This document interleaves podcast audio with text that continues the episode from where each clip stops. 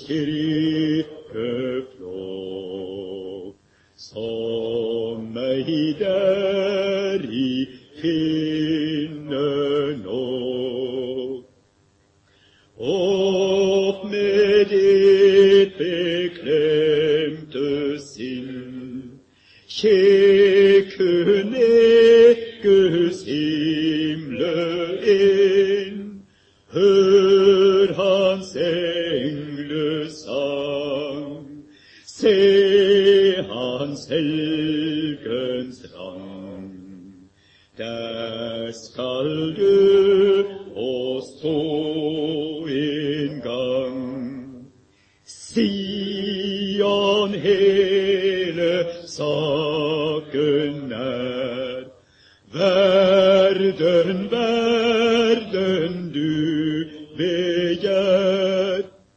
Hennes skjulte glød gnistrer i ditt kjød. Brenn deg,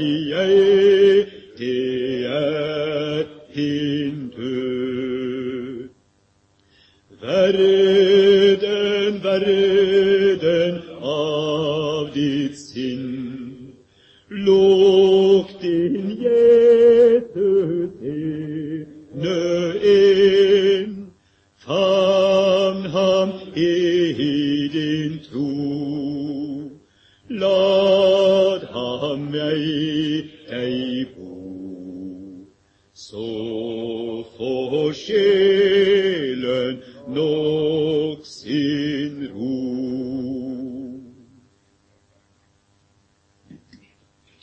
Det er en uforlignelig måte å bruke katekismen i sjelesorg.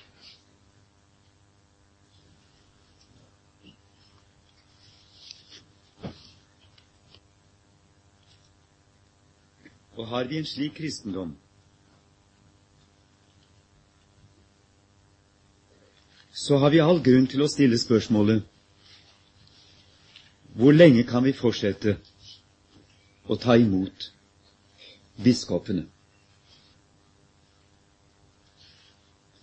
Jeg tror det ikke er noen av våre biskoper som i dag vil, virkelig ville føle seg vel i dette rom, eller ved denne sang som vi nettopp har sunget.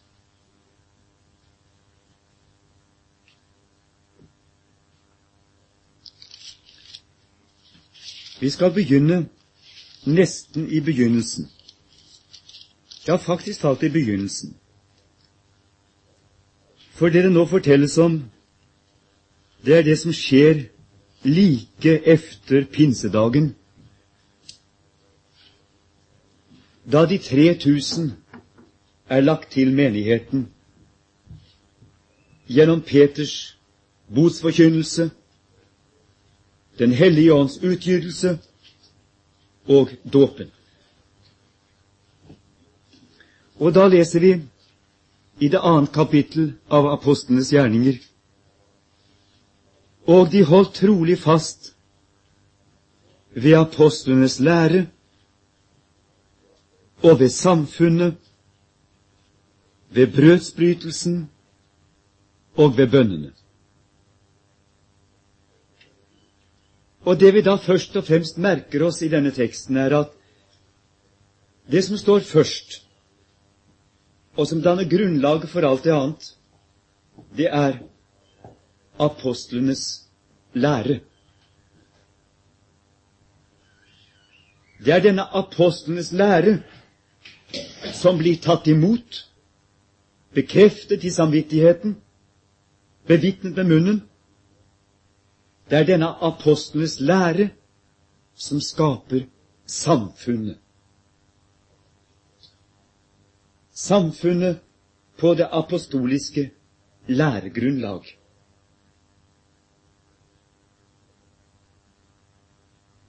Og i dette samfunn, på det apostoliske læregrunnlag, er det at brødet brytes, kalken skjenkes,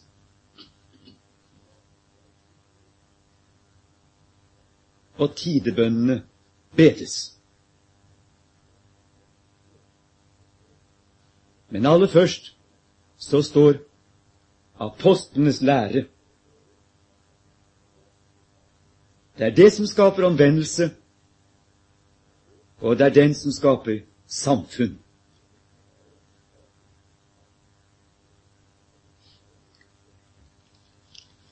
Hvis vi så går til første Johannes brev, til de aller første vers, så vil vi finne det samme der. I dette brev, kjærlighetens brev Man kan ikke beskylde Johannes for å være en først og fremst en en lærefanatiker. Det er kjærligheten som er hans store mål. Men allikevel så begynner han sitt brev på denne måten. Som en rett apostel. Det som var fra begynnelsen, det som vi har hørt, det som vi har sett med våre øyne, det som vi skuet og som våre hender følte på, om livets ord. Og livet ble åpenbaret, og vi har sett det, og vitner og forkynner eder livet, det evige, som var hos Faderen og ble åpenbaret for oss. Det vi har sett og hørt, det forkynner vi og eder, for at og i kan ha samfunn med oss. Men vårt samfunn er med Faderen og med Hans Sønn Jesus Kristus.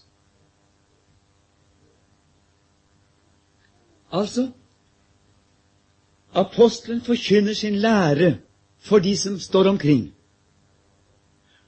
For at de som står omkring, skal ha samfunn med apostlene, og slik gjennom apostlene komme inn i samfunnet med Faderen og Sønnen.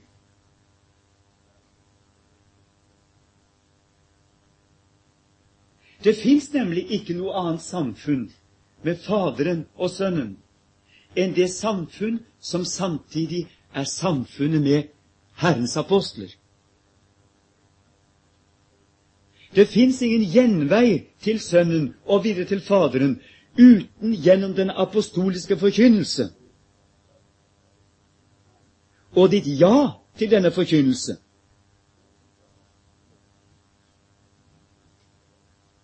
Vi skriver og taler dette til eder for at I skal ha samfunn med oss.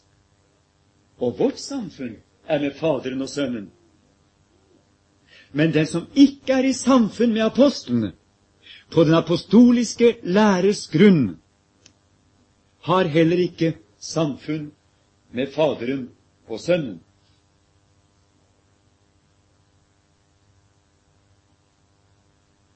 Apostlene er jo nettopp sendt ut i verden for å skape dette samfunn. De som en gang var sirkelen omkring Jesus, de går ut med de de har sett og hørt, på hans befaling. De forkynner omvendelse og syndenes forlatelse for alle folkeslag fra Jerusalem av. Og det er bare der hvor deres ord blir mottatt, at også Herren blir mottatt og at det oppstår samfunn mellom Gud og mennesker.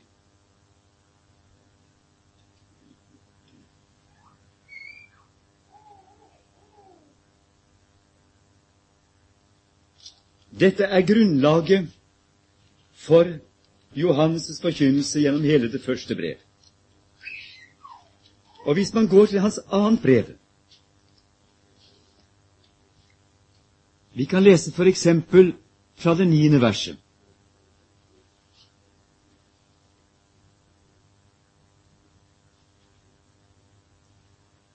Vær den som slår inn på avveie og ikke blir i Kristi lære.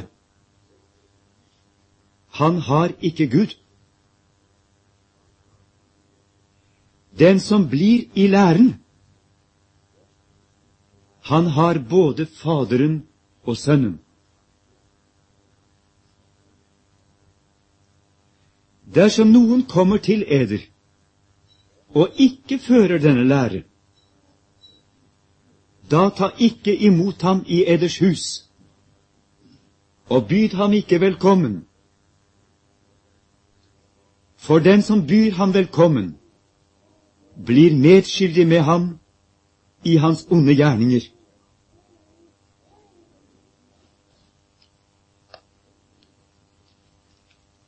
Og så kan det være naturlig å gå til lærefanatikeren Paulus og lese hva han sier i begynnelsen til Galaterbrevet, første kapittel og det åttende vers. Men selv om vi Det er tale om apostelen. Men selv om vi,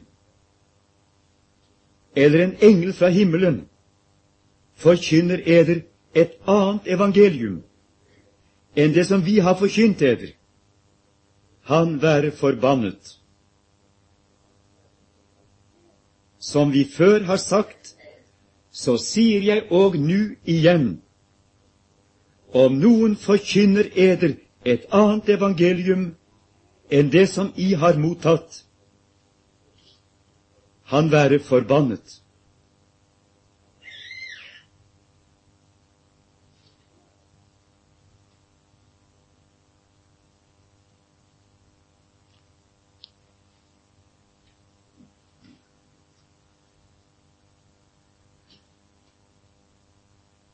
Vi sier at Kirken er apostolisk. Og det er akkurat det dette betyr.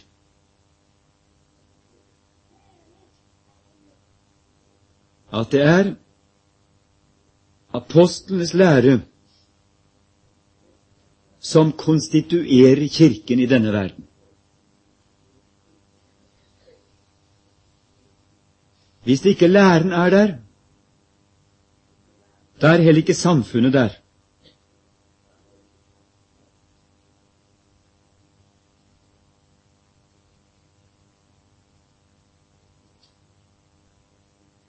Og brødsbrytelsen blir falsk dyrkelse, og bønnene blir ord på det uvisse. Vi har ikke lenger det rette fundament for vår tro.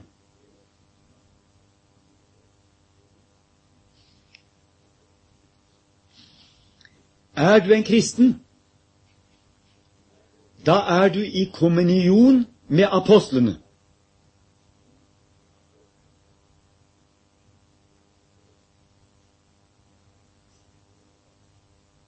For Herren lever de til denne dag, og deres ord er levende ord, som bæres av Den hellige ånd inn i våre hjerter. Fremdeles gjelder Herrens ord til apostlene. Den som hører eder, hører meg. Og den som tar imot eder, tar imot meg. Men den som forkaster eder, forkaster meg.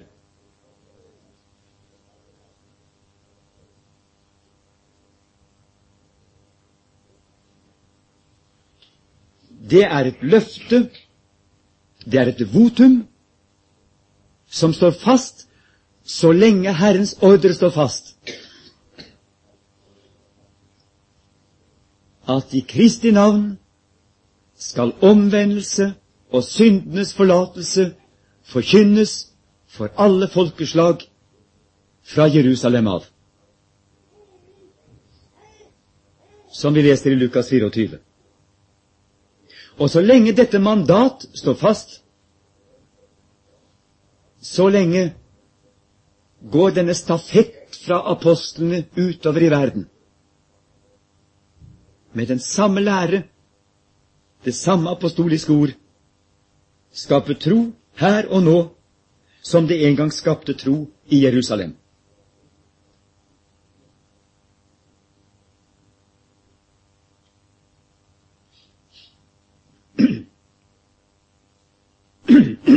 Det er nødvendig å si dette. Og det er nødvendig å anfekte alt det som kaller seg kristendom, som avviker fra det apostoliske ord.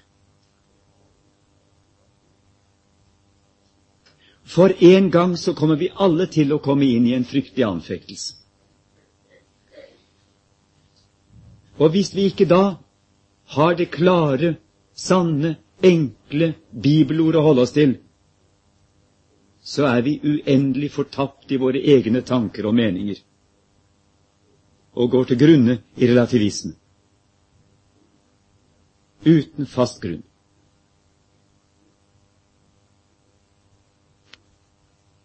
Det er viktigere enn noensinne å bli enfoldig som et barn og holde fast på det katekismeord som vi har overtatt fra Herren gjennom Hans apostler slik Brorson formante oss.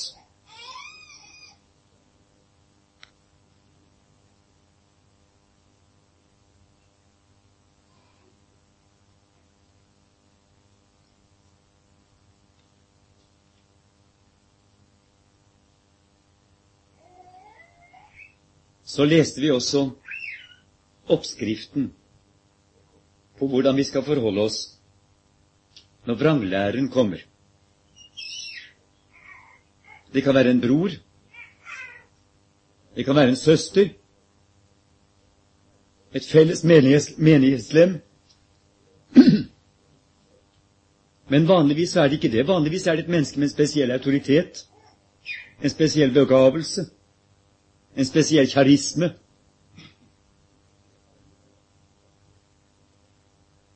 Og svært ofte er det også en, en prest som er ordinert til et embete i Jesu Kristi kirke, eller en biskop. Og uansett hvilken stilling vranglæren har, så gjelder denne apostoliske formaning uavkortet. Og jo større potensiale dette mennesket har til virkelig å være en vranglærer og overbevise mennesker i kraft av sin menneskelige autoritet, jo viktigere er det at vi følger apostelens anvisning.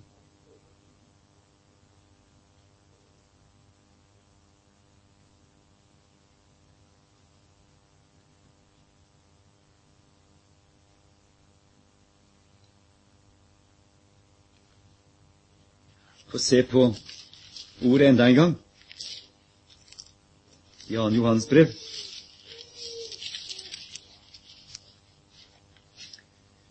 Dersom noen kommer til eder og ikke fører denne lære, da ta ikke imot ham i eders hus, og by ham ikke velkommen. For den som byr ham velkommen, blir medskyldig med ham i hans onde gjerninger.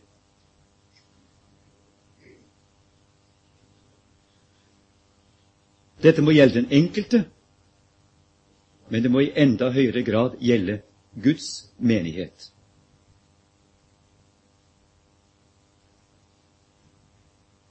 Vranglæreren må konfronteres, må demaskeres og må avvises etter apostolisk skikk og på basis av det apostoliske ord. Vi har ikke noe valg om vi virkelig har forstått at dette er noe som gjelder liv og død. Liv og død for menigheten, og liv og død for den enkelte. Og dermed er vi i akkurat samme kirketuktsituasjon som i forholdet til den som etablerer seg i sin synd på Herrens nåde som vi leste i første Korinterbrev i det femte kapittel. Det er egentlig to sider av samme sak. Det ene er vrang lære i livets praksis. Det andre er vrang lære i veiledning, i forkynnelse. Men det er egentlig ett og det samme. Det er djevelens forførelse. Bort fra den rette læregrunn. Bort fra Guds ord.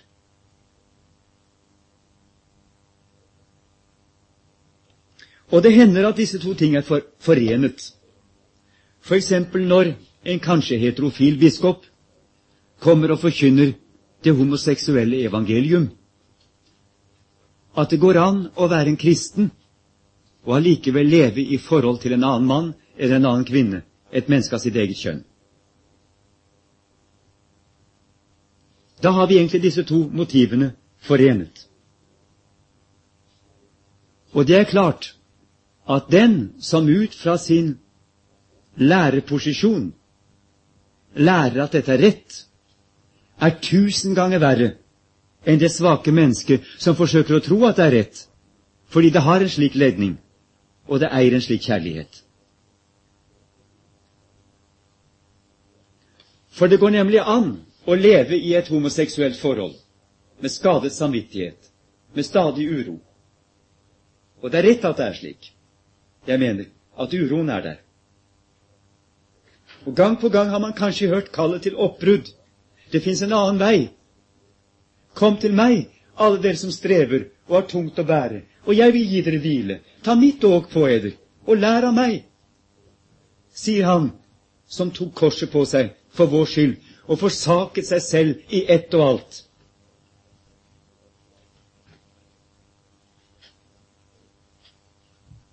Han som fører oss inn i disippelskolen og sier at den som vil komme efter meg, han må ta sitt kors opp.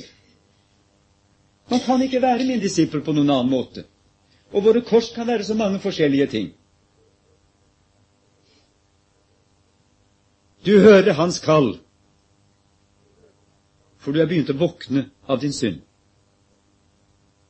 Og så kommer en biskop og taler imot åndens kall. Og sier at du, du tenker feil. Det kan være en god og kristelig måte å leve på. Du har min velsignelse. Vi har misforstått Guds ord. Har Gud virkelig sagt dette? Kan det være mulig? Ja, det var i en annen tid.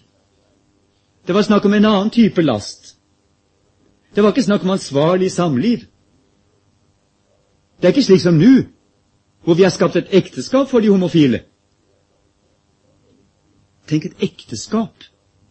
Partnerskap. Et skap som man låser dem inn i, slik at de aldri kan komme ut. For nå kommer troskapsidealet i tillegg.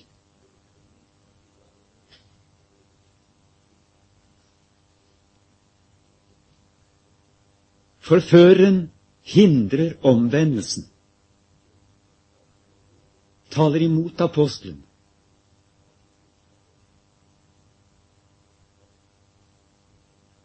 Forhindre fødselen til det evige liv. Blir skyld i fortapelse.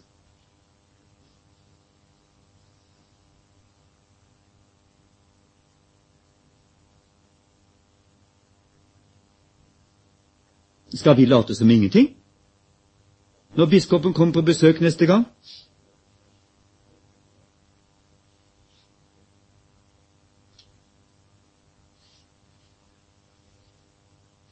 Hva med biskopen selv, da? Er han en døpt kristen? Er han en frafallen? Er han under dommen? Er han på veien i fortapelsen fordi ingen advarer ham, slik at han må forstå? Men fremdeles tar imot ham og bekrefter ham i hans villfarelse, som om det bare var en menneskelig mening, og jeg mener noe annet, selvfølgelig.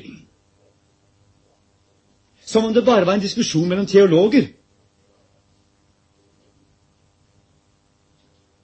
Biskopen sviker den homofile og hjelper ham til å sove seg inn i fortapelsen. Og vi svikter biskopen og hjelper ham med å sove seg inn i fortapelsen. Han den dobbelt skyldige. Og hva det er med oss?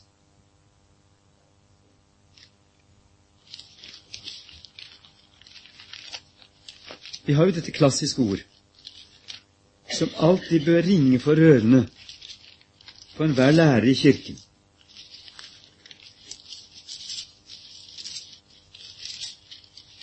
Det er profeten Esekiel.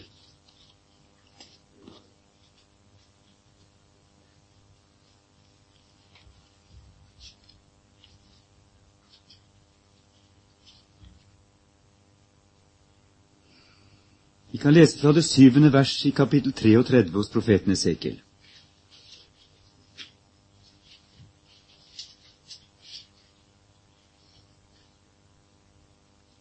Og du menneskesønn, til vekter har jeg satt deg for Israels hus.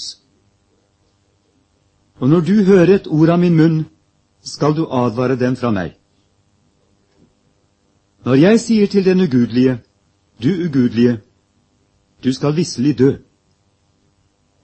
og du ikke taler og advarer den ugudelige for hans ferd, da skal han, den ugudelige, dø for sin misgjernings skyld, men hans blod vil jeg kreve av din hånd.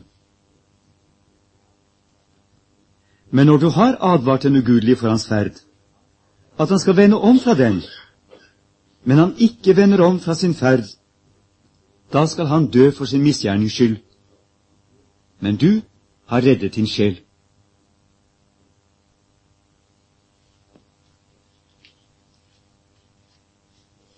Her har vi den fryktelige kjede av skyld. Synderen etablerer seg i sin synd som om det er kristendom. Han tilegner seg den billige nåde. Han tror at syndenes forlatelse betyr syndenes tillatelse. Han syns han har hørt det i de moderne prekener, at det er slik. Aksepter deg selv. Gud har allerede akseptert deg. Så kommer en biskop og bekrefter ham i denne villfarelse. Enten ved å tillate at han blir velsignet, eller i hvert fall ved at han ikke vil kalle det synd. Vi er blitt så moderne nå. Han kaller det kjærlighet. Han kaller det ansvarlighet. Han kaller det i hvert fall bedre enn noe annet. Og synd er det ikke. Altså hjelper han til at denne, dette mennesket aldri blir foruroliget og får bryte ut fra sin, sitt fengsel og redde sin sjel. Dermed så kommer denne biskop i stor skyld, ja, i enda større skyld. Han blir skyld i den ugudeliges død, og den ugudeliges blod vil bli krevet av hans hånd. Men så så kommer biskopen til oss. Og hva skjer da? Jo, da oppfører vi oss på samme måten som biskopen har oppført seg overfor den som lever i sin synd. Vi påtaler ikke biskopens synd på rett måte. Vi er heller ikke villige til å kalle biskopens opptreden overfor den homofile synd. Frafall.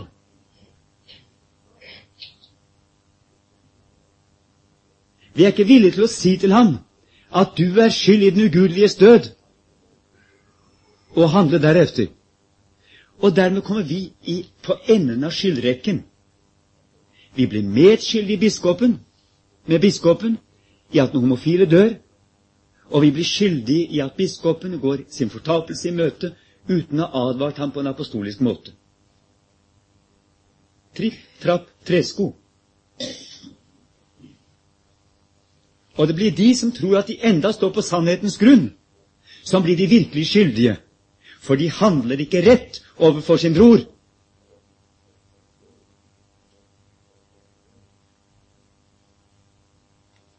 Og det er akkurat det som står her i 2. Johannes brev.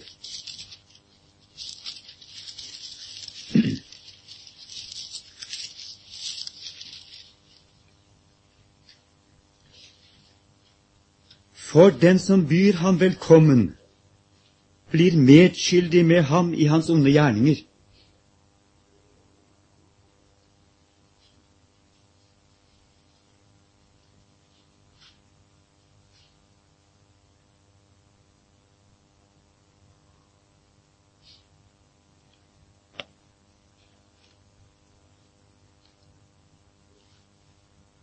Hvis det virkelig er sant, det vi sier om biskopene, at de forfører folket. Hvis det virkelig er sant i bibelsk forstand, og ikke bare en avismening Hvis det er noe vi kan si for Guds åsyn, så må vi også si det til dem. Og da kan det ikke bare være en personlig mening, men det må uttales som en Guds dom som et apostolisk ord. Vi kan ikke ta imot dem. Og tar vi imot dem, blir vi medskyldig med dem i hans onde gjerning.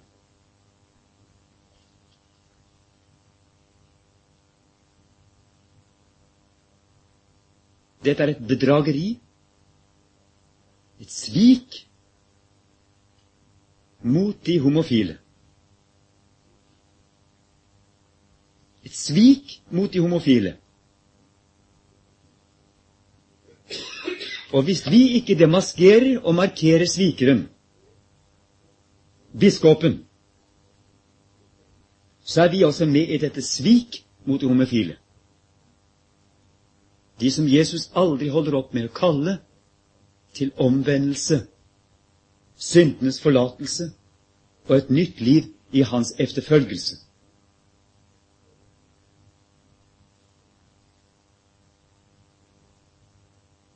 Vår holdning må aldri dikteres av homofobi. Vi er da de fleste av oss heteroseksuelle. Og de aller frykteligste seksuelle sykdommer foregår i heteroseksualitetens navn. Det vet vi godt.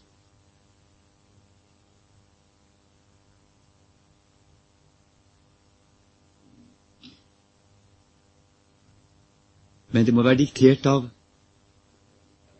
den kjærlighet som Kristus har vist mot, oss da han ga sitt liv for oss og sonet alle våre, også heteroseksuelle synder, med sitt blod, og tok oss inn i det nye samfunn og lærte oss sannhetens ord, gjorde oss til sine og apostlenes disipler, for at vi skulle vandre i et nytt levnet og åpnet for oss ekteskapet som en hemmelighet og som et kors.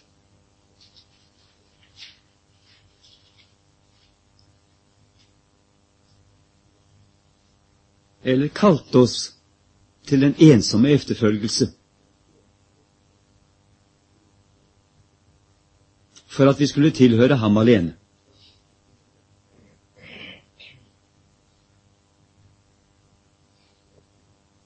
Men i Hans rike hersker renhet, sannhet, godhet, ærlighet, og ikke løgn og forstillelse og utenomsnakk.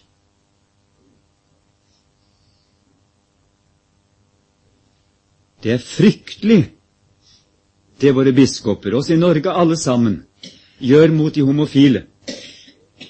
Fordi de avsvekker kallet til oppbrudd og nytt liv i Kristi etterfølgelse.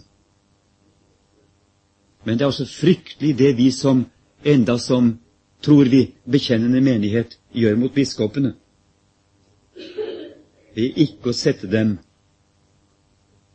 under det apostoliske ord, som vranglærere.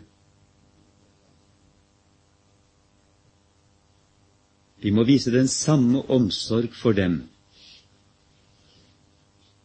som apostelen viser for den som lever i sine synder og kaller det kristendom.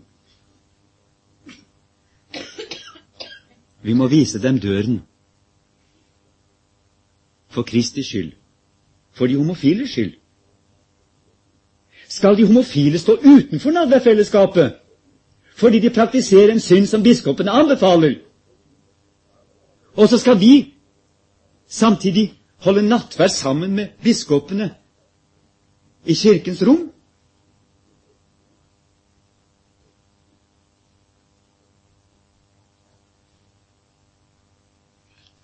Det er en total forstillelse.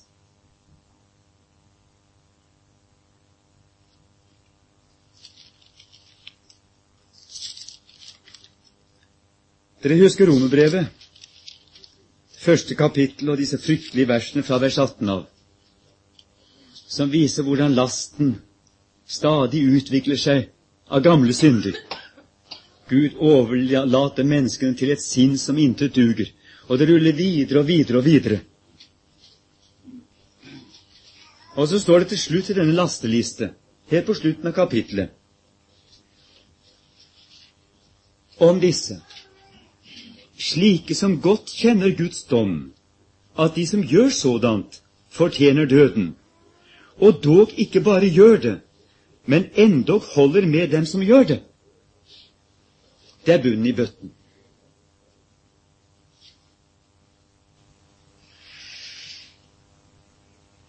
En ting er nok å gjøre det, men enda verre er det å holde med dem som gjør det.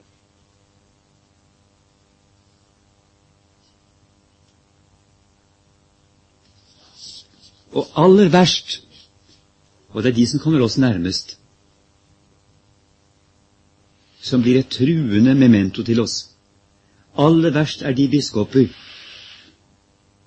som aller best opprettholder sitt rettroende alibi. Og allikevel ikke kan manne seg opp til å si 'dette er synd'. For de blir alibi for alle de øvrige.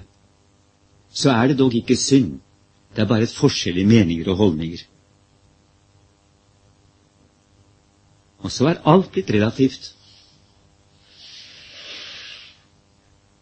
Og da må ikke vi følge på den samme vei. Vi må ikke forskrekkes over at biskopene ikke vil kalle homofilt samliv synd. Vi må bli forskrekket over oss selv, at ikke vi tør kalle biskopenes holdning synd. Kronisk synd.